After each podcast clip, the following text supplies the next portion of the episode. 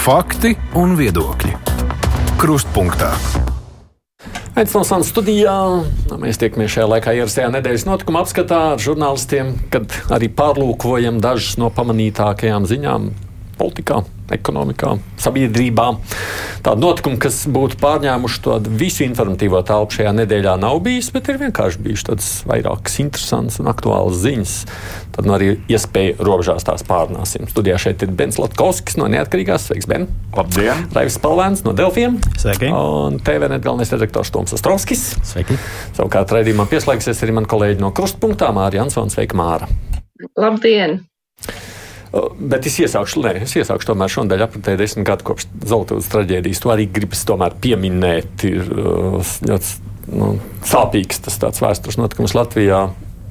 Nu, tā vienkārši laika atstāt, domājot par to, kādi secinājumi šobrīd izdarām mums pašiem, beig beigās tā kopā saliekot to visu. Es zinu, kas jums ir pārsteiguma šo jautājumu uzdodos virsū. Jā, tas nebija sarakstā. Ko es varētu gribēt jautāt, ne? Zini, kā. Um, uh, Ja nebūtu bijis Ukraiņas karš, tad es pieļauju, ka tā būtu bijusi, tā arī ir bijusi viena no lielākajām traģēdijām Latvijas vēsturē ar tik lielu skaitu upuru un, diemžēl, arī ļoti triviālu iemeslu, kāpēc. Bet, uz, uz tīri sežot burtiski informatīvā telpā iekšā, nu, es vairāk par sevi, uh, tad uh, Ukraiņas karš un apdraudējums gan tieši, gan netieši uh, ir, teiksim tā, man ir nomācis šo te klātbūtnes efektu, kas ir bijis varbūt nu, teiksim, līdz Ukraiņas iebrukumam, uh, iebrukumam Ukrainā. Uh, bet, uh, No, traģēdijas ļoti... apjoma arī droši vien mērogi ir pilnīgi nu, citi. Jā, bet, bet kā, pēc būtības jau ir tā, nu viena cilvēka nāve jau ir traģēdija. Nu, Vienalga, to, kuram, bet protams. pavisam noteikti. Un, un es ļoti labi atceros um, to, to pirmo nakti, kad es tur biju arī klātienē līdz, līdz, nu, ne līdz rītam, bet tas nav tik būtiski. Uh, un, Emocionālajā aspektā man tas nekur nav pazudis. Teiksim, visi pārējie notikumi, kas sekoja pēc tam, tā skaitā arī iebrukums Ukrajinā, tas nu, nav nomācis tās tieša, tiešās emocijas un pārdzīvojums, kas bija esot klātienē tur. Un, uh, tā skaidrība uh, vai tāda nu, redzējuma skaidrība par to, ka tas vienmēr paliks. Uh, kā milzīgs pārdzīvojums un, un traģēdija. Tas nav tušējis man. Neviens notikums pēc tam nav tušējis man šo sajūtu.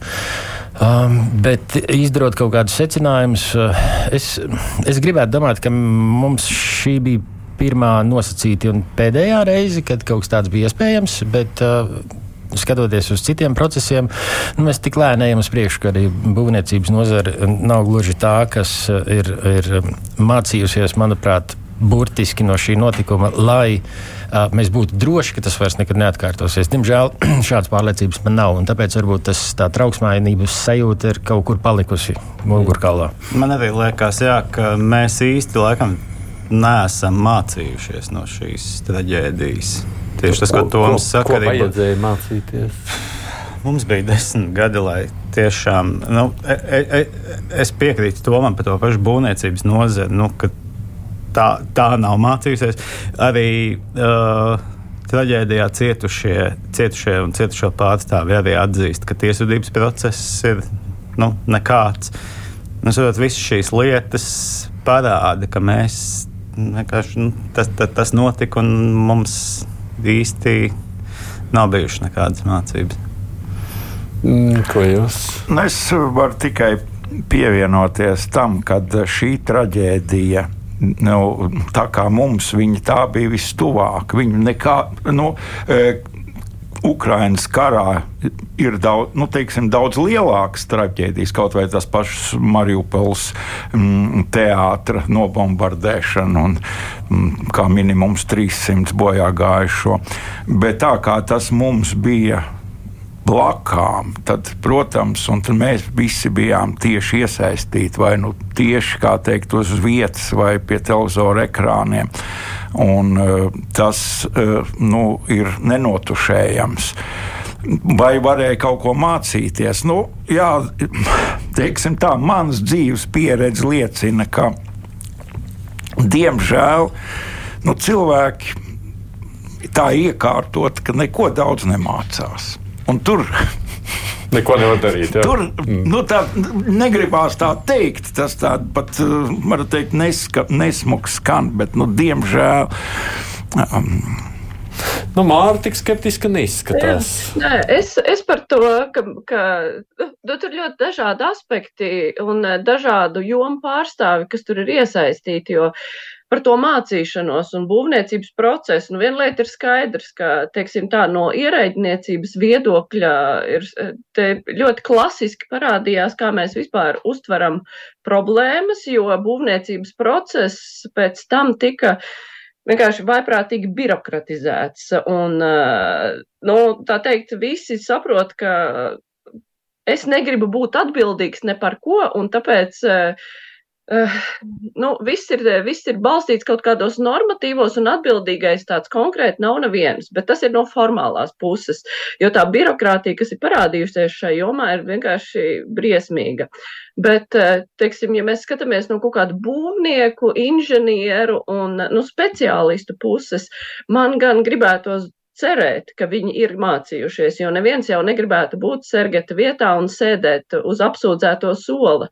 Un es domāju, ka cilvēki, kuri praktiski dara tās lietas, kur izstrādā projekts, ka tomēr viņi paskatās divreiz un padomā divreiz. Un, nu, nemēģina ieskapēt kaut kādas lietas, kur varētu, kas varētu izvērsties milzīgā traģēdijā. Uh, Bet, eh, protams, ka nu, par to var spriest tikai tad, ja tu zini konkrētus faktus un par to, cik kvalitatīva ir būvniecība. Nekādus faktus jau mēs nezinām, jo mēs to vienkārši nevaram zināt. Bet eh, man tomēr šķiet, ka cilvēki, kuri praktiski strādā, ka viņi, viņi atcerās vismaz eh, nu, šo, šo, šo lietu un piedomā. Mm, Tā kā es, jā. nu, Jāatcer jau varbūt, kad arī skolās, zin, kā līdzīgi kā kādreiz žurnālistikas kļūdas, kad mācām, visi tad pēc tam daudz gadu desmit studentiem māca, zini, kā tur bija, vai ne? Ka varbūt arī šis ir kaut kur aizgājis. Nu, kaut kur tas noteikti ir aizķēries, jo faktiski jau mēs mācāmies no kļūdām, ne jau no tā, kas mums ir izdevies. Tas vienkārši dod gandarījumu, ka jā, forši mums kaut kas ir sanācis, bet uh, vienalga tas ir uh, pirmajā personā vai kolektīvi. Bet, Māra, tu cel uh, sev māju, kad tu saki, ka birokrātiskais. Jā, jā, jā, cēla, cēla. Jā. es esmu, sas, jā, es esmu gājusi cauri dažādām saskaņošanām un visādām lietām, un tas, eh, nu, kā var redzēt, ka tev prasa ārkārtīgi daudz formālas lietas, kurām, nu, neviens jau neskatās to praktisko segumu.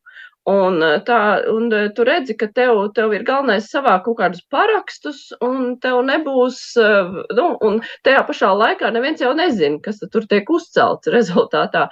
Un, un tas tikai rāda, nu, ka iestādes tevi virza no vienas pie otras, un beigās tev ir savākt ļoti daudz visādi parakstu, un katrs var atsaukties, ā, bet tas ir parakstījis, tas ir parakstījis. Tur viss ir kārtībā. Galvenais, ka mēs ķeksi esam ielikuši vai konstatējuši, ka tur tas ķeksis, un tad jau viss būs.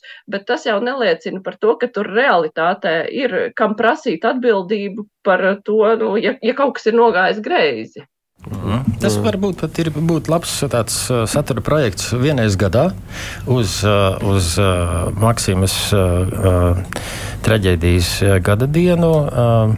Visu gadu līdz tam strādāt ar kādu konkrētu cilvēku, kurš būvē kaut ko privāti vai varbūt lielu, un iet visam ceļam oh, cauri, ar, vai kaut kas ir mainījies. Žurnālistiem ideja. Te. Ejam uz priekšu par mūsdienu aktualitātēm runājot. Uh, nu, Ne, bet tā ir aktuālitāte šobrīd.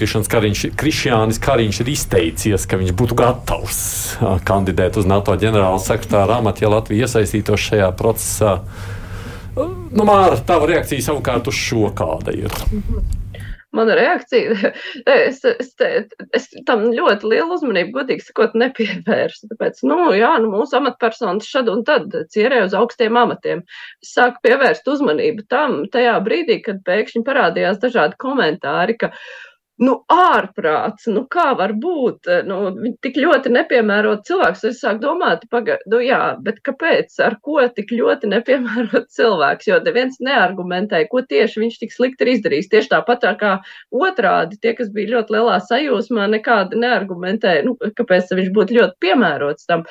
Es nezinu, nu, man liekas, normāli, jo ņemot vērā, ka Krišāns Kariņš vispār nu, vairāk pazīstams mums tomēr ir kā uh, cilvēks, kurš labi darbojās Eiropā, un viņš jau atbrauca atpakaļ uz Latviju, lai vadītu valdību. Un kāpēc viņam uzticēja valdību? Jo Eiropā viņam labi veicās sarunāt visu kaut ko ar dažādiem ārzemju partneriem.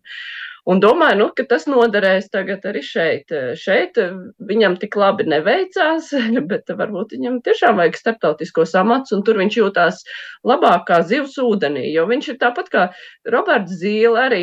Roberts Zīle šai ziņā ir nu, apdomīgāks, un viņš vienkārši nemēģina šeit ieņemt nekādus amatus, jo viņam tur veicās ārkārtīgi labi. Nu, varbūt arī Krišāns Kariņš ir no tiem cilvēkiem, kuram tur veiksies labāk nekā šeit. Zīle savulaik jau pamēģināja, tāpēc es negribu atgriezties. Varbūt tā, Ben. Mhm. Nu, par to argumentāciju. Mm. Uh, Pirmkārt, par tiem, starp, par tiem starptautiskajiem amatiem. NATO ģenerālsekretārs varbūt kādreiz pirms 15 gadiem bija nu, tāds vienkāršs amats. Šobrīd, kara apstākļos, tas ir ārkārtīgi nopietns un svarīgs amats.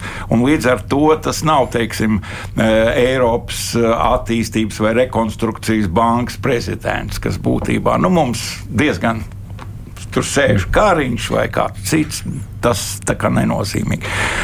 NATO ģenerālsekretārs šobrīd ir teikt, viens no pirmajiem svarīgākajiem cilvēkiem. Un tad ir jautājums, vai Kariņš ir šis cilvēks piemērotākais. Protams, mums no Latvijas viedokļa būtu ļoti prestiži un, un labi, ja būtu mūsu cilvēks, tieši Latvijas eh, šajā augstajā amatā. Bet tā kā ņemot vērā šī lielo atbildību, ko kara laikā nes šis amats, ir jādomā, vai šis cilvēks šo lielo atbildību spēj iznest. Un te man ir, teiksim, Tas, protams, nav nekāds racionāls arguments, pat, mm, bet uh, ir tāds sens um, izteiciens, es ar šo cilvēku izlūkos neietu. Es Kariņu pazīstu jau sen, un, un diezgan līdz viņa mm, premjerēšanai. Mēs nereiz vien satikāmies Brīselē, Strasbūrā un citur. Nu, mierīgā tādā atmosfērā. Ļoti simpātisks, jauks cilvēks. Man nekādas pretenzijas pret viņu nebija. Bet nu, e, viņa atrašanās e, valdībā un tagad arī otrās valdības, īpaši pēdējā gada laikā, pēc vēlēšanām, man ir radies iespējas, ka viņš ir cilvēks nevis tāds, tas, kurš stāv un krīt par lietu, bet kurš stāv un krīt par sevi lietā. Respektīvi, viņam priori, prijā, primāri ir, kā tas izskatīsies, e, ko par to teiks, kā par mani, par mani padomās, kā tas atspoguļosies uz manas, varbūt arī uz partijas reitingiem. Respektīvi, mm, šī īpašība teorētiski nav slikta. Politiķim viņa tādam arī var būt pat jābūt. Bet es atgriežoties pie šīs um, atbildīgās uh, viņa amata potenciālā NATO ģenerālsekretāra. Es godīgi sakot, nebūtu īpaši priecīgs, ja viņš ieņemtu šo amatu. Protams, es nesaku, varbūt arī citi nav ne pamatu labāk, jo tā politiskās atlases kārtība, diemžēl, nav tāda, kur tiek atlasīti nu, spējīgākie, uzņēmīgākie, tie cilvēki, kuri spēj nodemonstrēt kritiskā brīdī enerģiju, izlēmību. Diemžēl Es, es nesaku, ka tas ir ļoti slikti. Bieži vien uh, politikā tiek izvirzīti cilvēki, kurus, kā mēs jau runājam, kā um, Mārta teica, kas prot sarunāt. Nav slikti, ka prot sarunāt, bet dažkārt šī sarunāšana nozīmē nu, tāda kompromisa. Tā, tā, tā, pat tur, kur nav vajadzīga kompromisa. Nē, nu, Mārija jau pareizi izcēla šo kariņa diplomātijas spēju, ko man liekas, nevar nenovērtēt. Un, un, uh, un tieši starptautiskajā diplomātijā. Un tas, ka viņš sevi ir izvirzījis, es to vērtēju pozitīvi, bet tajā pašā laikā man tas man, man tas uh, raisīja jautājumu, nu, mēs vēl nākamgad gaidām Eiropas parlamenta vēlēšanas. Un ir neoficiāli izskanējis, ka Kariņš arī varētu konkurēt ar Valdu Dombrovsku uz Eirokomisāra amatu. Nu, tad vai attiecīgi šis viņa paziņojums par kandidēšanu uz NATO ģenerālsekretāra amatu nozīmē, ka viņš tomēr nekandidēs? Jo nu, tie tomēr Eiropas komisāra amats un NATO ģenerālsekretāra amats nu, tie divi Nu, Divi ļoti, ļoti, ļoti ietekmīgi. Atrisinātu dilēmu, kāda jaunai vienotībai šī iemesla dēļ. jā, bet pieskaroties tam NATO jautājumam, man liekas, ka nu, nu kā NATO ģenerāla sekretāram būtībā viņš veic šo diplomātu funkciju starp valstīm. Salāgo viedokli ASV un jā, pārējiem. Jā, jā, jā. jā, jā. Nu, tur jau nav tā, ka Kariņš pieņems kaut kādus lēmumus, tad viņš būs tas mediātors. Nu, jā, viņam būtībā būs mediātora loma, un tādā ziņā man liekas, ka tā diplomāta spējas liekas, ir atbilstošas. Man ļoti patīk, ka, un es pilnībā piekrītu Bena um, ierāmējumam, proti, ka NATO faktiski ir atgriezta uh, tādā uh, laika posmā, kas, ko mēs saucam par augstākā posmu. Uh, respektīvi, tas vairs nav tikai prestižs amats, bet tas ir faktiski ar, ar daudz lapu, tā teikt, latviešu runājot, tu sarakstu, kas ir vienkārši jādara. Un, uh, ne vēl tā Stoltenbergu nevar nekādi atbrīvot jau kuro gadu, vai ne? Nu, baidās, ka jā, tā kā, pavisam noteikti NATO um, teiksim, reputācija un arī praktiska jēga ir ieguvusi vai drīzāk atguvusi savu nozīmīgumu, kāda tā bija pirms tam. Vai Otrs, pavisam noteikti mums ir nepieciešams NATO ģenerālsekretārs, vienalga kāda politiska vai starpvalstu kompromisa rezultātā izvēlēts, bet kurš pavisam stingri, pārliecinoši iestājas par Baltijas valstu drošību bez diskusijām.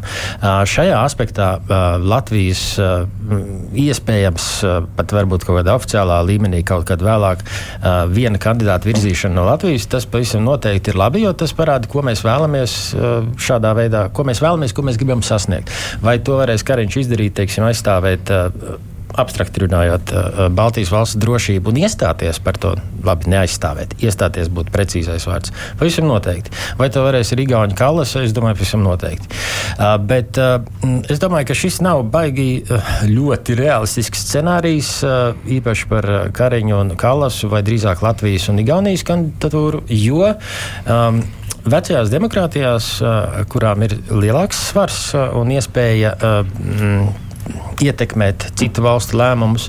Ir ļoti daudz um, bailīgu politiķu, kuriem uh, es pieļauju, visticamāk, kāda Baltijas valstu uh, tiešām kandidāta vai pat jau ievēlēta ģenerāla sekretāra um, nu, tāds status liksies kā nu, burtiski kara pieteikšana Krievijai. Un tā ir tāda nu, sabiedriskās politikas, nu, faktiski tas ir viens liels bleķis, nu, ja skatās no veco demokrātiju puses. Un es tāpēc domāju, ka tas godīgi sakot, nu, nav realistisks scenārijs. Pat tad, ja Latvija to oficiāli kaut kādā veidā risinātu, mēģinātu sarunāt ar citiem, nu, uz kaut kādu kompromisu, politisku kompromisu pamatu. Um, tā kā uh, es teiktu, ka drīzāk tā kariņa starts uz uh, Eiropas komisiju. Tas izskatās daudz realistiskāks scenārijs manā uh, acī. Uh, un, un, uh, es domāju, ka mēs to arī drīz uzzināsim. Ātrāk nekā NATO vēlēšana, NATO ģenerālsekretāra. Es saprotu, ka bija plāns līdz iespējamā Trumpa ievēlēšanai šo te atrisināt vismaz ASV. Es saprotu, šo vēlas līdz savu vēlēšanu. Respektīvi, līdz nākamā gada rudenim. Jā, ievēlēt arī jaunu NATO ģenerālsekretāru. Tas tā Bet ir. Eiropas, uh, Eiropas parlamenta vēlēšanas, attiecīgi Eiropas komisija, tas ir pirms tam vēl. Mājā. Nu, ko? Ejam uz nākamo tematu saimā valdošā koalīcija sarukus par vienu tematu. De, par vienu tematu. par vienu tematu. par vienu deputātu. Jaunā vienotība, kā dzirdējām, izslēgus no rindām savu deputātu ilgadējo Madonas mēru Andrei Ceļpīteru. Es vispār atzīšos atklāti, nu, tik ļoti rūpīgi iekšējiem procesiem partijās arī neesmu sekojis. Tas brieda kādu laiku, vai tas bija pārsteigums jums arī? Man liekas, ka tas, eh, ne, nu, savā ziņā tas bija pārsteigums, bet uh, ne, nu, šis deputāts man liekas, tā baigi ne, ļoti neizceļās saimnes darbā. Tāpēc, Tur lielākā daļa neizceļas. Nu, jā, jā, jā. Tāpēc, nu, nē, savā ziņā, nē, nu, kā pārsteigums, protams, nāca tas viņa alternatīvais viedoklis budžeta pre, likuma projektā, ka viņš iesniedz šo samazināto PVN dārziņiem, nu, kas koalīcija. Kā, nevēlas šādu scenāriju, bet redz, uzrādās viens koalīcijas partneris, kas, kas vīris. Nu, tas, nu, viņam vajadzēja saņemt sodu attiecīgi. Un sods, no, un sods bija atbilstošs. Nē, nu, kaut kā jau uh, tā kārtība ir jāuztur frakcijā. Nu, Mērķi publiski nedrīkst. Nē, labi, par to runa nav. Nē, es domāju, jaunā vienotība nepārsteidzās. Zinām, nu, var skatīties dažādi. Es pieļauju, ka um, kādam noteikti tas šķiet, ka, ah, nu, redz, jaunā vienotība jūtas ļoti varena, ka viņi atļauj šādi iespējams apdraudēt varbūt kvorumu attiecībā uz kaut kādiem balsojumiem par Silīgas valdības lēmumiem. Nu, piemēram, respektīvi, uh, tas pārsvars, jeb atbalsts Silīgas valdībai, nu, ir ļoti mikroskopisks salīdzinot ar simts uh, sēdvietām saimā. Uh, tādēļ var skatīties uz šo sā, šādi. Mēs esam stipri, mēs varam atļauties, un šādi mēs paužam un apliecinām, ka esam stipri, bet uh, ieturam savu, uh, savu nu, iekšējās kārtības noteikumu, vienalga, kas tie tādi ir. Bet uh, tas, kas man, man piesaistīja uh, saimnes, um, jaunās vienotības saimnes frakcijas uh, priekšsēdētāja Jūra Revica teiktais, proti, komentārs par šo. Viņš teica, ka viņš ļoti cer, ka mm, Ceļa Pīters arī turpmāk balsos valstiski. Tas, tas, tas bija ļoti jautri šādu frazējumu um, izlasīt, jo tad sanāk, ka faktiski uh, citi nebalso valstiski. Nu, vismaz tie, kas nav valdībā. Nu, tā jau droši vien viņi arī domā. Ne, nu, protams, ka viņi tā domā. Vienkārši izmantojot šādus te, um, nu, skaļus, uh, skaļus vārdus. Bet um, es nedomāju, ka kaut kas baigi mainīsies, vai tas apdraudēs Silīņas valdību šogad. Noteikti nē, nākamgad ļoti iespējams. Jā. Bet tad ir atkal jā, tā pati vecā, vecā patiesība. Nu, personālīs jau neapdraud valdības pastāvēšanu. Apdraud lēmumi, darbība, vai tieši pretēji bezdarbība um, un spēja vienoties, vai tieši pretēji nespēja vienoties par kaut kādu tālāku redzējumu, vai tiem pašiem patiesi valstiskiem lēmumiem.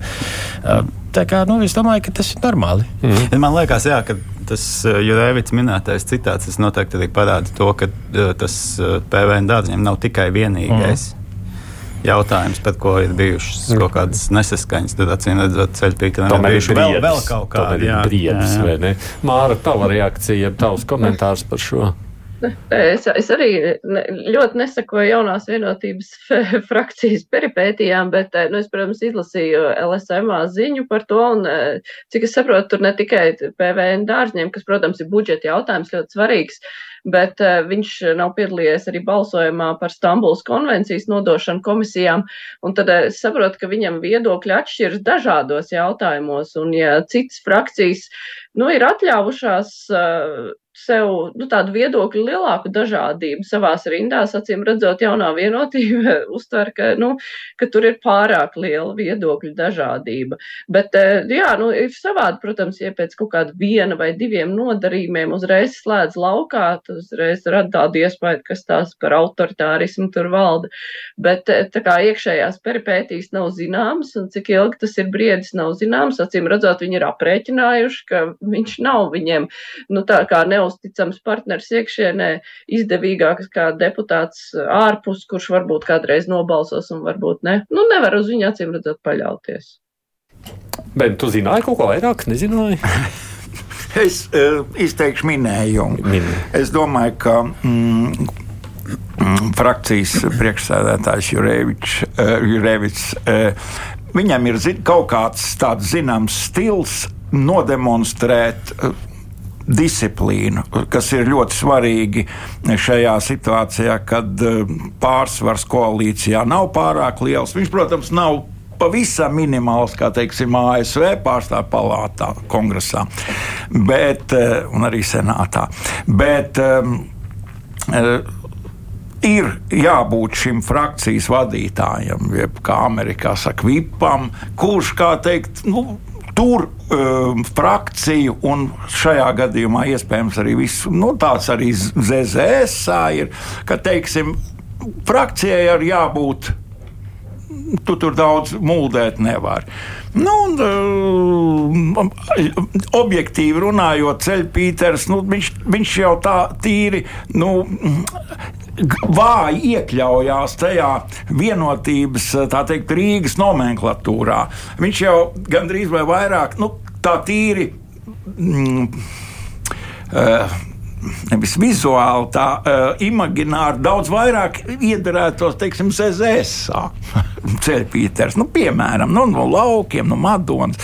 Nu, līdz ar to uh, lauku cilvēks ar kaut kādām savām uh, iedomājies, ka viņš ir pats par politiķis, pats par sevi, uh, frakcijā, kura, kurā ir nepieciešama disciplīna. Ja, ja visi saka tā, tad ir jābūt tā, un, un, un, un šajā gadījumā es esmu pilnīgi pārliecināts, ka nav jau pirmā reize droši vien bija kaut kur tād, nu, tāds, tādus brīvrunātājus.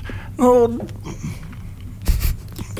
Nav bet, vajadzīgi viņi. Bet, bet tas ir arī, manuprāt, arī ir diezgan ticams, ticams variants, jeb versija, ka um, saturēt frakciju grožos ar, teiksim, nevis kaut kādiem zemgalda aizkadra vai, nu, respektīvi, publiski nezināmiem lēmumiem vai, vai soda sankcijām, tas ir viens, bet otrs ir, varbūt tas ir arī kā brīdinājums pārējiem. Nu, tam, tas kalpo dažādu, teiksim, interešu realizācijai arī vēlāk. Tā kā Staļinam bija savulaik, zin, tas drastiskais teiciens par uh, nošausim pirmo rindu par brīdinājumu pārējiem. Jā, uh, nu, tas es nedomāju burtiski šeit, bet. Uh, ne, kā brīdinājums šis ir labs, jo, jo, jo, jo jaunajā vienotībā ir dažas deputātas, kuras balso atšķirīgi pēc Stambulas konvencija. Piemēram. Tāpēc, man liekas, būs šis balsojums galīgajā lasījumā būs interesants. Būs interesants. Ceturtdien, nākamajā nedēļā vienīgais ir madoniešu vietā apvainotos no laukiem. No kādiem laukiem? nu, jā, bet man liekas, ka tas, tas vairs nav, tam vairs nav tāda konotācija. Jā, jā, jā, jā. Bet labi, labi. Jā, jā. Uh, no, tagad jau gandrīz otrādi vienmēr saka, aizbrauciet uz lauku, nu, uz provinci, tur viss ir sakārtots, smuki, ne, ne, te... kamēr Rīgā. Jā. Vai? Tā jau ir. Jā, jā, jā, tā kā. Atgādīju tikai šeit Mārija Ansona no Kruspunktā, Toms Ostrovskis no TVNet, Raivs Palvēns no Delfiem, Bens Latkovskis no Neatkarīgās.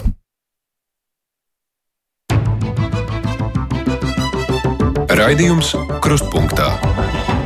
Nu, reiz par laukiem runājam, par reģioniem, koptīgiem un pašvaldībām saimā. Tad, tad varētu balsot par to, ka turpmāk pašvaldību deputāti ja tā ilgstoši neattaisnot, neapmeklēs domas sēdes, varētu zaudēt savu amatu. Nu, mēs zinām, tas viss ir provocējies no Reizeknas domas, kurā tas um, darbs tiek torpedēts. Par pašu ideju atbalsti Benšo. Nu, uh, es domāju, ka uh, kā, uh, politiskā, politiskajā praksē ir princips, ka veidojot um, speciālu likumu noteiktai situācijai, nu, ka likums nekas labs nav gaidāms. Un izējot no šīs, var teikt, vienkāršās loģikas, man šķiet, ka ņemot vērā, ka, ka likums tiek speciāli veidots Rēzeknei, turklāt um, tādā jocīgā situācijā. Nu, varētu, no, no vienas puses likums jau paredz, Rīgā tika. Mm, Atlaista um, Rīgas doma, mm, notika jaunas ārkārtas vēlēšanas. Nu, kāpēc šo procesu nevarētu īstenot uh, Reizekne, jo deputāti nepiedalās visi, pa, visi jebkāda likumī, ir likumīgs pamats šo domu atlaists, arī kaut jaunas vēlēšanas, bet lūk, tagad izrādās. Jā, jaunas vēlēšanas, atkal varbūt Barta Šēvits uzvarēs, atkal tie paši. Tad vēl izrādās, ka mm, tehniski to esot ļoti grūti norganizēt. Kaut kas tur nav kārtībā ar. Mm, vēlēšanu nu, jauno kārtību. Respektīvi, nu, tad jāmaina likums. Respektīvi, no, izējot no šīs nu, tīri formālās loģikas, pat neiedziļinoties tur rēzeknes lietās. Es domāju, ka uh, speciāli taisīt likumu, grozīt esošo kārtību tikai tāpēc, ka um, Rēzeknē, ja atlaidīs domu, ievēlēs tos pašus. Turklāt, ja arī tagad pieņem šo likumu tad, un, un šos atlaidīs, tad nāks vietā jau tā.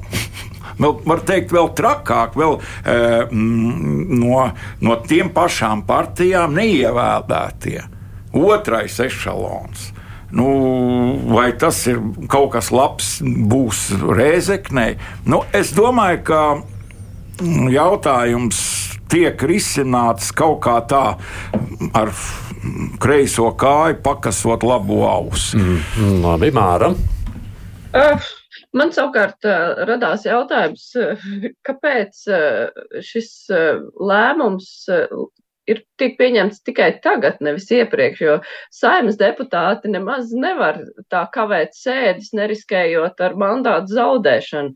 Pašvaldību deputātiem šāds nosacījums nav, jo saimnes kārtības rūs arī nosaka, ka saimnes deputāts vienas sesijas laikā nevar kavēt tur vairāk par noteiktu skaitu sēžu. Un šeit vienkārši tiek ieviests tas pats princips. Tas, ka tas tiek pas, nu, pieņemts uh, saistībā ar rēzekni vai saprasts, ka tas ir pieņemts, nu, protams, ka tas tiek pieņemts pēc rēzeknes. Uh, nu, tas ir varbūt ir vienkārši tāds nu, stimuls, kāpēc tas ir beidzot jāizdara. Jo ne, var jau būt, ka ir kaut kāds arguments, kāpēc pašvaldība deputāti drīkstēja kavēt uh, sēdes, bet saimnes deputāti nedrīkst. Es nezinu, nu, nav neviens jurists, uh, nu tā, es neesmu lasījis, ka kāds to būtu paskaidrojis, bet man šķiet, ka ir pilnīgi normāli, ka tiek līdzsvarotas šajā gadījumā saimnes deputātu un pašvaldības deputātu atbildības, jo viņi visi ir politiski vēlēti. Mm -hmm. Raivi. Es neesmu iepazinies ar šo nu, ideju. Es saprotu, ideja saprotam, jā, bet es uh, detalizēti neesmu iepazinies ar to piedāvājumu. Man viņš arī liekas nedaudz īpatnējs. Es gribētu arī saprast to argumentāciju, lai, lai, lai, nu, kā, kā šis likums attieks, attieksies plašāk uz visām pašvaldībām. Jo tagad tas tiešām liekas īpatnējā, ka viena likuma pielāgo tieši rēzaknei. Un ne, tad atkal ne, ne, ne. kādā citā pašvaldībā būs kaut kādas citas problēmas, un tad atkal pielāgos tai situācijai. Nē, nē, nē, tas eh, nav tā, ka viņš tiek pielāgots tieši Rēzeknē. Tur jau tā lieta, ka viņš attieksies uz visām pašvaldībām. Tas nozīmēs, ka nevienā pašvaldībā deputāti nevarēs kavēt sēdes bez eh, attaisnojuša iemesla. Nu, un tad eh, šis, teiksim, ja kāds grib to izmantot kā politisku cīņas ieroci, tad viņš to nevarēs darīt. Tieši tāpat kā to nevar darīt saimnes deputāti. Nu, man, man šķiet, ka te ir normāli, ka tiek tieši vienādots un paklausoties, ko saimnes komisijā, kā tas tika argumentēts, komentēts.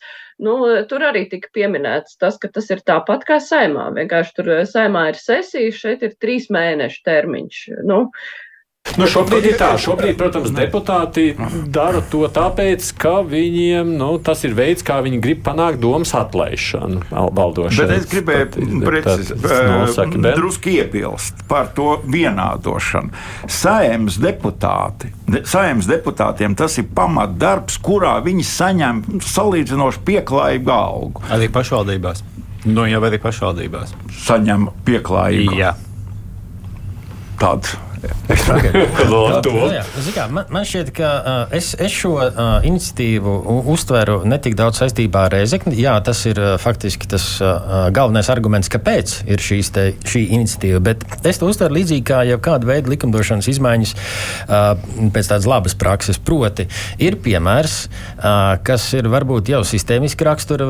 Rezekni nav pirmā, varbūt ir pēdējā, jā, bet uh, veikt likumdošanā izmaiņas. Uh, kas iespējams palīdzēs turpmāk risināt līdzīgas situācijas. Ar konkrētu piemēru šodien, kas ir Rezekne, manuprāt, tas ir atbalstāmi. Un, tā ir, manuprāt, arī normāla prakse ka tu veic izmaiņas, ja tev ir piemērs, kur tu redzi, ka Reizekne šajā gadījumā to veic atklāti un bez kautrēšanās. Tikpat labi to pēc šī paša piemēra, ja netiks veiktas izmaiņas likumdošanā, pašvaldības likumā, tad to varēs izmantot arī jebkura cita neatkarīga kura partijas, kāds partijas nosaukums savu politisko mērķu realizācijai. Tādā aspektā es domāju, ka tas ir ok. Tur no. īsti to problēmu es tā nesaskatu. Manā skatījumā tas ir vienkārši labojums, kurš iespējams var dot kaut kādu pozitīvu atdevi nākotnē. Vai tā būs, nu, tas būs jāskatās, kas tur būs iekļauts likumā tieši? Nu, ir jau arī tā jāatzīst, protams, ka šī nav pirmā reize, kad mēs ar tādām lietām saskaramies. Tur nu Benam ir taisnība, pieņemsim Rīgas domē Es domāju, valdošie gribēja, lai varētu izmantot šo kā politisku instrumentu, lai varētu atlaist Rīgas domu. Tāpēc tur tā domas sēdes neapmeklēšana šķita ļoti labs iemesls, kā tikt no visas domas vaļā. Šajā gadījumā droši vien mēs negribam, ka to izmanto kā politisku instrumentu. Tāpēc... Nu, skaidrs, skaidrs, ka negribam, bet ir jau arī labi, ka ir vairākas sviras, nevis tikai radikālais risinājums, līdzīgi kā ar iepriekšējo tematiku, ko mēs apspriedām ar izslēgšanu no frakcijas. Nu, mēs varam, protams, domāt un spekulēt par Reizeknas autonomijas piešķiršanu, bet nu, tas vairāk humora kontekstā. Bet sadalīt uh, tiesības uh, vairākām, šajā gadījumā tas būtu pēc pašvaldības likuma un CVK. Pieņemsim uh, tiesības divām uh, nu, nosacīt institūcijām, um, iespēju uh, zinu, veikt kādas soda sankcijas un sekot līdzi. Tas ir forši. Tas ir sadalīt, eh, nu, līdzīgi kā, piemēram, ārlietu ministrs var iesniegt melnajā sarakstā savus kandidātus, un iekšlietu ministrs var izdarīt tieši to pašu. Respektīvi, ir divis, divas tādas, nu, faktiski varas dalīšanas princips. Un tas nav slikti. Man, protams, interesē, kas notiks ar slimības lapām visiem Reizeknas domas deputātiem, cik viņas būs garas un vai visi pēkšņi būs tomēr pamatoti saslimuši. Protams, CVK teiksim, kapacitāti kaut kam sekot līdzi, godīgi sakot, neticu. Neticu, ka viņi to varēs izdarīt. Ja ja tas būs CVK, kam būs šīs tiesības. Un tad, protams, ir reizes jautājums, tad vispār priekš kam vajag mm. piešķirt CVK šādas tiesības, nu, ja tas tiks darīts. Jā, nu, jebkurā gadījumā, es domāju, arī žurnālistiem būs interesanti pasakot šajā aspektā līdzi. Dodoties pie nākamā tēmata, un jāpiebilst, te nu gan droši vien daudz arī pēdējās dienās ir runāts par Evo Baltica problēmām, nu, kuras mēs tagad dzirdam un redzam. Tās jautājums, kāpēc tā situācija tāda ir izveidojusies. Māra, tev ir bijušas vairākas diskusijas ar iepriekšējo gadu laikā mums kruspunktā par Evo Baltica. Tev šis, nu, tu, tu, tu nojauti, ka viss iet uz šo. Mani šis vispār neizbrīna nemaz, jo es eh, tiešām daudzus gadus sekoju līdzi, kā šis process notiek, un tas, kas raksturo visus šos laikus tieši no amatpersonu puses, ir tāda totāla problēma ignorēšana, jo uz to, ka ir problēmas, ka būs problēmas, uz to norādīja gan žurnālisti uzdeva jautājumus, gan par izmaksām, gan par to, kā darbi ir uz priekšu. Visu laiku tika nu, teikts, ka viss ir kārtībā. Apkaimju dažādi speciālisti, kur ne tikai cilvēki, kas ir aktīvi, bet cilvēki, nu, kas ir eh, zinoši un izglītoti, norādīja, ka tur būs ar projektēšanu problēmas. Tas viss tika ignorēts.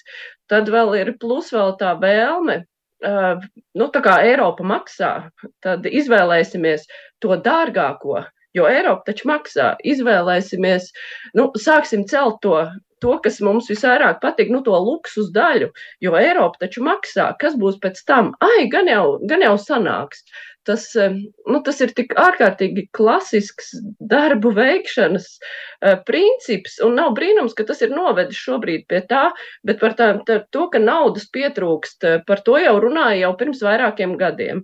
Un es neteikšu, ka tur var mest akmeņus, nu, labi, Briškens, viņš ir atbildīgs kā cilvēks, kurš ir RB reāli strādājis, bet, nu, kā satiksmes ministrs, viņš neatbild, protams, par to, jo viņš tāpat kā Vitenbergs to visu jau saņēma mantojumā. Bet eh, to, ka būs problēmas Rīgā, nu, to, tas bija redzams jau sen, un tagad saka, jā, Spāņu firma ir atteikusies projektēt. Uh, Bet jautājums, kāpēc viņi ir atteikušies projektēt? Viņi atteicās tāpēc, ka tā visa izpēta, kas bija veikta pirms tam, izrādījās nekvalitatīva, neņemot vērā nu, kaut kādas e, konkrētas problēmas un lietas. Un skaidrs, ka spāņi nevar uztaisīt brīnumu un izprojektēt kaut ko, kam ir, piemēram, pārāk maz vietas. Bet, ja būs vairāk vietas, tas maksās vēl dārgāk. Un e, šis lokus uz lidostu, kas e, tika visu laiku ārkārtīgi ārkārtīgi bīdīts uz priekšu, argumentējot, nu kā mums taču vajag, tas ir nu, prestiža jautājums, aiz, aizbraukt pa taisno uz lidostu. Tas jau arī ir tas milzīgais sadārdzinājums kopā ar stacijām, kuras arī sākotnēji bija plānotas kā vienkāršas stacijas, Turklāt pašā 11. gadā vēl bija priekšizpētē ieteikums, ka Rīgā vajadzētu taisīt tā, ka vilciens iebrauc iekšā pa vienu galu un brauc arī ārā, ka viņš netaisa loku par Rīgu. Tas viss tika ignorēts, jo tāpēc, ka šķita, nu kā ņemsim to dārgāko, ņemsim to prestižāko, Eiropa taču maksā. Un rezultātā mēs atduramies pie tā, ka visi darbi ir aizkavējušies, ka tas viss maksā daudz dārgāk. Eiropa naudu jau nav apsolījusi, mums ir jākonkurē uz to naudu, un tas izskatās bēdīgi. Un būtu ārkārtīgi žēl, ja visu šo ambīciju dēļ tik labs projekts vienkārši nobeigtos. Būtu ārkārtīgi ārkārtīgi žēl.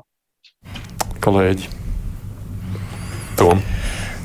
No, vārds beidīgi šeit ir uh, īstais arī manā izpratnē, jo tieši tā, nu, nav gluži, ka uh, informatīvajā telpā, respektīvi publiskajā telpā, nav bijusi informācija par to, ka uh, ir bijusi informācija par to, ka ir ļoti daudz jautājumu un ir ļoti maz atbildes.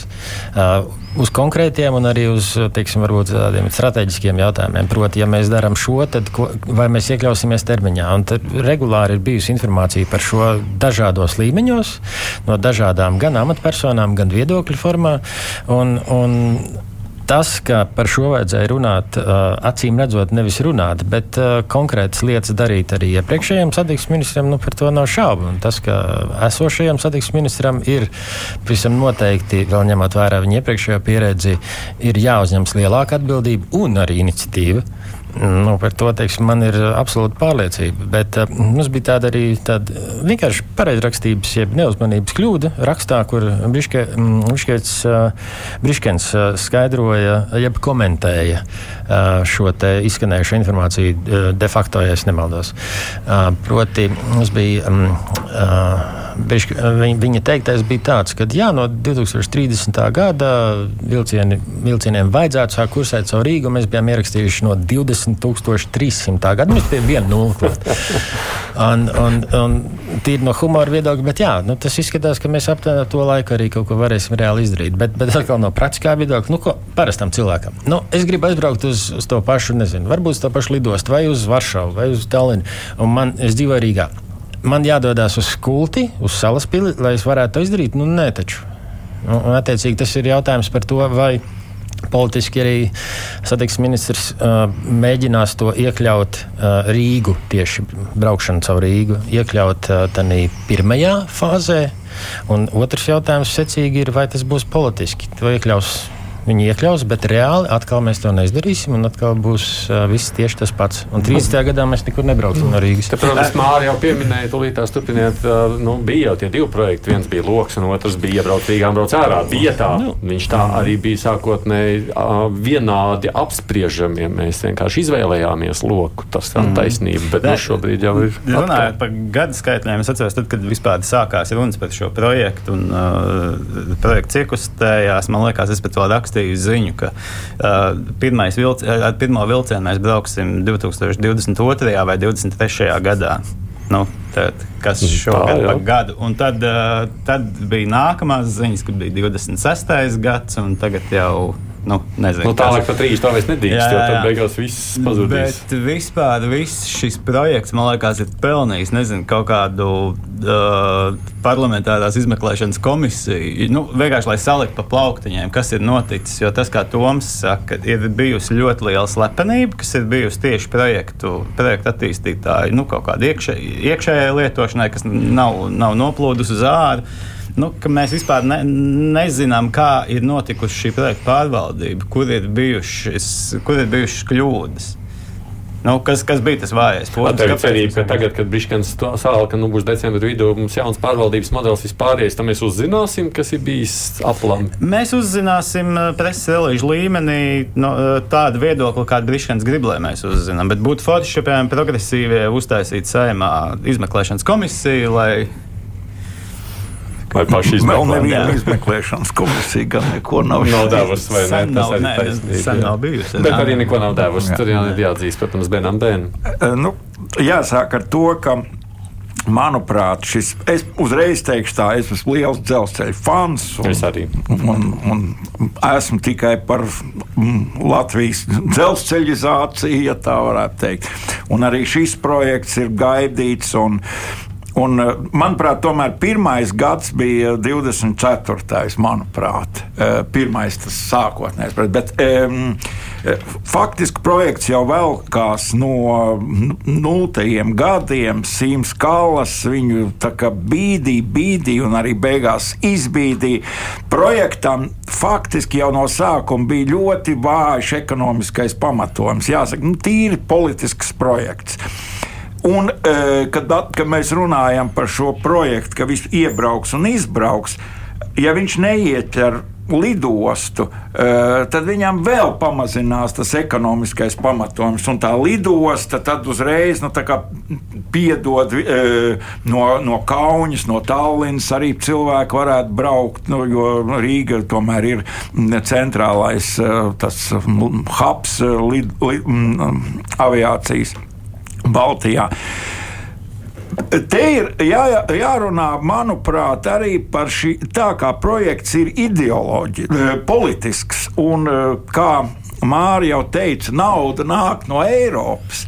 Tad arī kadra atlase ir tāda, nu, var teikt, nedaudz, kā es pirmīt jau teicu par eh, ģenerālsekretāru, atlases kritērija ir, mm, nevarētu teikt, ka ekonomiski pamatot. Ja teiksim, es ja tā būtu man, mans dzelzceļš, es stipri šaubos, vai es ņemtu, nu, liktu par eh, vadītājiem, nu, nosacīt runājot, rubes tipa cilvēkus. Bet e, visa projekta garumā šādi cilvēki, nu, var teikt, ar ierēdniecisku, birokrātisku domāšanu, nevis ar uzņēmēja, tā teikt, tvērienu, ir darbojušies.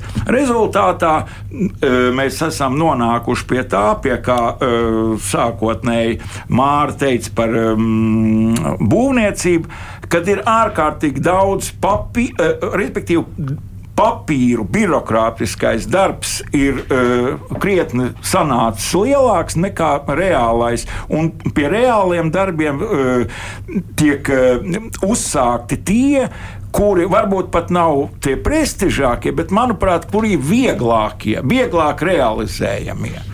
Nu, Rīga nav vieglāk realizējama. Vieglāk no nav, bet uh, es pieļauju, ka nu, teiksim, tur ir kaut kāda tāda kapacitāte, kas dod iespēju, kāpēc mums labāk ir uh, Rīgā būvēt, nevis tur uh, cīnīties par tiem sliežu ceļiem. Es pat neesmu pārliecināts, vai šobrīd pilnīgi visas teritorijas ir atsavināts. Nu, droši vien ir, bet nu, ilga visas, visas nav. nav, vēl, visas nav, nav, vēl, nav. Respektīvi, līdz ar to iedomājieties, cik gada ir projektam un vēl nav nav skaidra.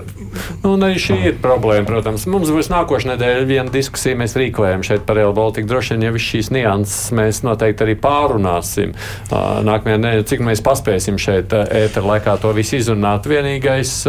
Bet, nu, bet kā ir Igaunijā un Lietuvai? Tur, man liekas, iet raitāk. Vismaz Igaunijai iet raitāk. Nu, vismaz arī jau tur ir savas problēmas. Viņiem arī ļoti līdzīgi gājuši, bet tur jau droši vien ir runa arī par visu to pārējo pār, kopējo pārvaldības projektu noteikti. Vienīgais teic, tas, kas no man arī pieņemsim baidi nākšās diskusijas uh, kontekstā, ko es te pieminēju nākamajā nedēļā, nu, tad, kad lūk, viņi runā vienalga, kas, tad, kad tev sākās runa par pārvaldību, par, uh, par savietojamību, visādiem tādiem jēdzieniem, tu jau kā normāls klausītājs tur noslīgs, neko nesaprata beig nu beigās, un domā, nu labi. Gan jau viņi gudrāki zinās, ko darīs, un tad mēs arī paliekam. Gan jau izdarīs. Nē, nē, te ir tas ļoti būtiskais moments, kad vismaz man vienmēr ir licies tā, nē, nu jā, nu, e, nu taču tas projekts Eiropa naudu tos, nu nevar viņš, nu, palikt gaisā karājoties. Šobrīd man jau sāk tādas bažas rasties, ka mm. tiešām vēl pēkšņi viss tiks pateikts, viss cauri. Un te nu, mums nu, jāpiekrīt, protams, šis nav arī tikai jautājums par ekonomisko, Jā. nu, kā, arī skatoties no mūsdienu militārās situācijas, ģeopolitiskās mums jau šo dzelzceļu pat arī militārām vajadzībām, tā jebkādām vai ne, mums viņa vajag. Vajag, vajag, nedrīkst, vajag, bet nu, šobrīd. Pazaudēt. Labi, es ceru, ka nākamajā nedēļā to parunāsim. Mums ir četras minūtes. Es gribēju pieminēt šo saspringto situāciju Somijas-Krievijas robežas, kas tur veidojās šobrīd. Uh, Nu, man ir tās bažas, vai viņi tur neparādīsies arī kādi pie mūsu robežas, tūlīt tās Krievijas pusē. Mēs Baltkrievijā esam jau to piedzīvojuši. Mums ir jābažās par notikumu attīstību. Es te gribētu, ja īsi, ir jāņem piemērs no Somijas un jebkurā līdzīgā gadījumā jārīkojas ārkārtīgi enerģiski, asi, nedomājot, kā tur izskatīsies, vai tur rindas būs mašīna, bojāsies produkti vai kas, teikt. Ja, ja, ja, uh, Ja, respektīvi, e, rīcībai jābūt asai, enerģiskai un nepiekāpīgai. Somija ir malači. Ja? Es domāju, ka uh, ar Krieviju citādāk nevar. Jūs kā skatāties uz šo? Nu, jā, protams, Somija ir malači arī vēsturiskajā kontekstā, ar, uh, cīnoties pret Krievijas armiju. Nu, tas tā replikē, bet uh, es kaut kur lasīju, un tas kaut kur ir, uh, diemžēl, nevar nosaukt abotu. Iespējams, ka tas bija Twitteris, uh, un tāpēc uzticamība tai informācijai nav baigi droši, jo es neatceros precīzi. Bet uh, bija informācija, ka kāds no uh, Somijas valdības, varbūt ne ministriem, tie, tas, laikam, bija kaut kāds, uh, nezinu, uh, kancelējs vai vēl kaut kas atbildīgais, bija minējis, ka varbūt vai militārais uh, personāls bija minējis, ka varbūt ir vērts apdomāt mīnēšanu uh, robežas. Uh, protams, ka tas nav uztverams nopietni, tas vienkārši nav iespējams. Uh, vismaz civilizētā pasaulē nē. Bet tas, uh, tas ir tāds labs un varbūt dramatiski pārspīlēts, bet tomēr izlēmīga pozīcija, pauž izlēmīga pozīcija, ka klau, nu, mums tas ir nopietni, mēs par to domājam, un jūs domājat, nu, tātiecīgi izdariet secinājumus. Vienalga, vai tie ir um, ekonomiskie migranti, kurus izmanto Krievija, lai realizēt savas uh, intereses, vai, vai tie ir teiksim, uh, tie paši Krievijas Kremļa, uh, Kremļa uh, funkcionāri. Tā kā, uh, es teiktu, ka izlēmīga Es pilnībā piekrītu Benam šeit. Uh, izlēmīga rīcība, atšķirībā varbūt no tevis minētā Kariņa kunga, izlēmīga rīcība Jā. uh, pavisam noteikti dod skaidru signālu. Tas neatrisinās neko, arī fakts, bet signālu tas dod ļoti skaidru. Mm. Tas ir, manuprāt, vienīgais pareizais ceļš, jo migrāciju vienalga piespiedu, slēptu vai atklātu, uh, vai organisku, jeb ekonomisko migrāciju, mēs nevaram cīnīties ar to nekā citādi kā vien ar šādu rīcību. Tavuprāt, Raiva, mēs esam, būsim gatavi, ja kaut kas parādās tā pie mūsu arī Krievijas robežas. Nu, tagad savu, savu optimismu. Zini, es, ne, es neesmu optimists. Nē, nē, nē. Skatoties uz to, cik ātri tiek pieņemti lēmumi, cik ātri notiek uh, robežu iz, nu, izbūve, bet žoga likšana. Es nebūšu optimists. Žoks mums neglābs. Jā, nē, nu tas ir arī. Māra, tu biji, tu biji redzējums sākumā optimista. Varbūt šoreiz arī. Nē, es domāju, ka mēs, mēs jau esam diezgan daudz lēmumus pieņēmuši. Nu, līdzīga rakstura gan par mašīnu iebraukšanu, gan nu, visu kaut ko mēs jau esam lēmuši. Es domāju, ka tiksim, ar katru jaunu lēmumu pieņemšanas reizi tas varētu notikt ātrāk. Mēs vairs neesam tik bailīgi. Un, un ja ir vēl kāds eh, labs piemērs, tad, ka, ka, nu, tad, ka tie lēmumi tiks pieņemti, ja būs tāda vajadzība, protams. Bet Somija jau arī ir interesanti atstājuši to vienu robežu punktu tur augšā, tālu, tālu interesanti, kā tas izvērtīsies. Bet tur jau šobrīd jau situācija jau sarežģīta. Es jau no rīta skatījos, nav tik vienkārši arī tajā galā. Jā. Jebkurā gadījumā man prieks dzirdēt jūsu dažādību ar pesimistisku un optimistiskāku skatu šajā reizē uz to, kā varētu notikumi virzīties, jo daudz ko mēs arī nezinām, tikai pieļaujam. Bens Latkovskis no neatkarīgās raizes, Paulēns no Delfiem, Toms Astrovskis no TVNet, Mārija Ansona no Latvijas radio. Paldies jums, kolēģi, par iesaistīšanos šīs dienas sarunām. Rīt laikmet laikmeta krustpunktā kolēģim Arnim Krausēm saruna būs ar ārstu Antoliju Danilānu. Nu, interesants cilvēks, būs runa ne tikai par ārstniecības ieteikumiem, arī par to, kā tika glābts viņa tēvs no Sibīrijas, kā pats glābās no grādīgā, kā kandidē politikā, kā baktērijas vēdā palīdzot domāt arī par savu audzēkni Hosamu. Abu mēri runa, tā tad interesanta saruna. Bet pirmdien, savukārt, lielajā intervijā Kruspunktā runāsim daudz par politiku, gan to, kas notiek šodien, gan to, kas notika 90. gados. Turklāt ne tikai Latvijā, bet arī Krievijā, tāpēc, ka studijā būs viens no pirmajiem atjaunotās Latvijas premjeriem, ilgstoši arī ārlietu ministrs Valdis Birkaus. Un jāatzīst, man viņam ir daudz ko jautāt. Kruspunktā izskan producenti jau zvejas studijā bija Iesaidis Tomsons, lai mums ir jaukas brīvās dienas priekšā.